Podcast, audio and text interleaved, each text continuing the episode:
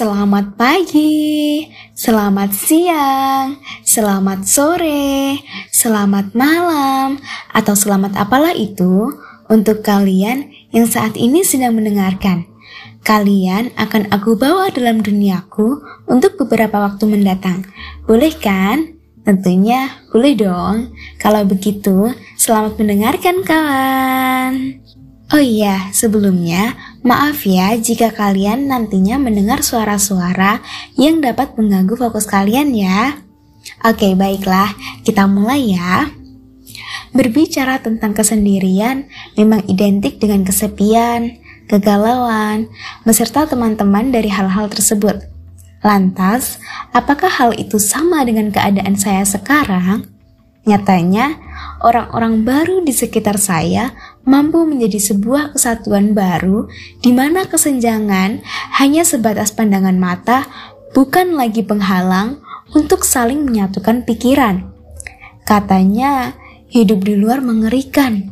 Katanya, membingungkan. Katanya, menyebalkan.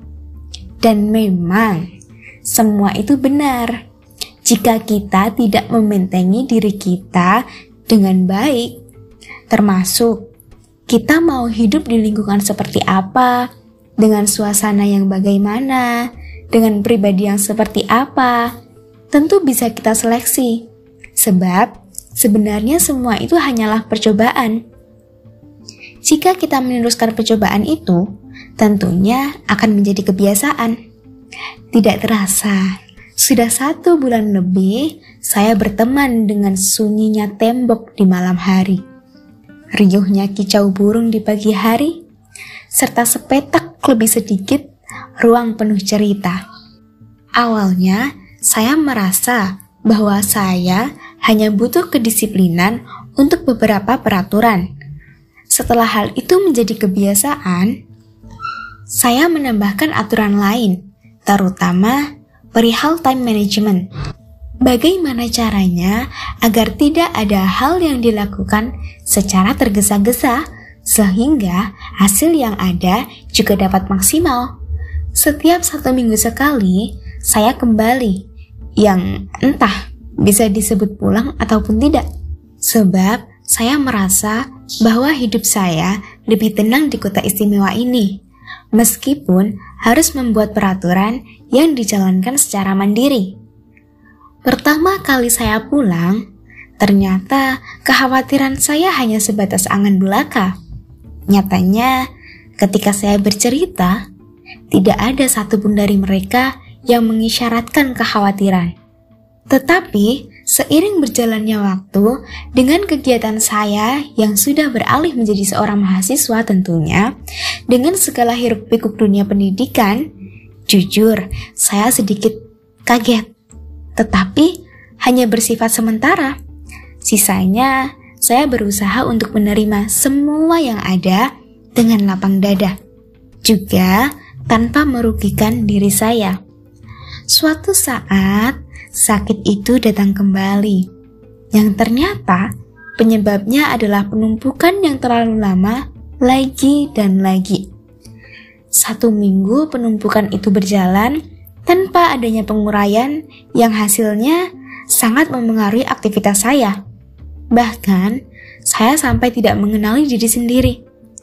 Setelah kembali normal, saya kaji kembali apa sih yang sebenarnya saya butuhkan saat ini yang sebelumnya juga ada dalam aktivitas mingguan maupun bulanan saya.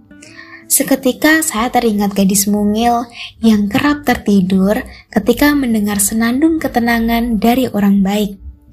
Dan saya yakin jika itu adalah jawaban yang sebenarnya. Saya hanya butuh pulang. Saat itu juga, saya mencari informasi kapan saya bisa pulang kembali. Kemarin, akhirnya saya pulang selama dua hari.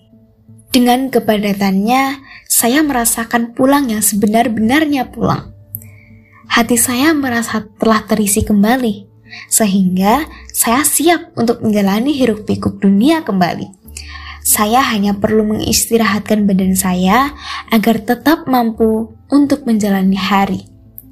Sedikit cerita bahwa tadi ketika di hari yang mulai menuju petang, saya mendapatkan secercah pola pikir baru, yakni kita tidak bisa mengontrol lingkungan kita, tetapi kita bisa mengontrol persepsi kita terhadap lingkungan di sekitar kita.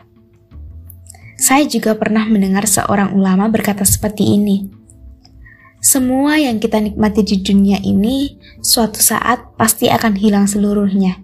Maka, bertakwalah kepada Allah. Kalau belum mampu untuk berlomba dengan orang baik melakukan amal soleh, berlombalah dengan para pendosa untuk bertaubat di hadapan Allah. Sehat-sehat jiwa raga. Sekian ya serentetan kalimat dariku hari ini. Semoga kalian suka. Dan semoga lagi ke depannya kalian juga tetap menyukai serentetan kalimat-kalimatku ini. Kita sama-sama manusia. Wajar bukan bila kita berbuat kesalahan dan berkata yang salah? Oleh karena itu, inilah kisahku. Jika kalian memiliki kisah yang lain, kalian bisa berbagi cerita kepada teman-teman terdekat kalian, atau kita juga bisa sharing bersama. Sekian dan terima kasih, teman-temanku.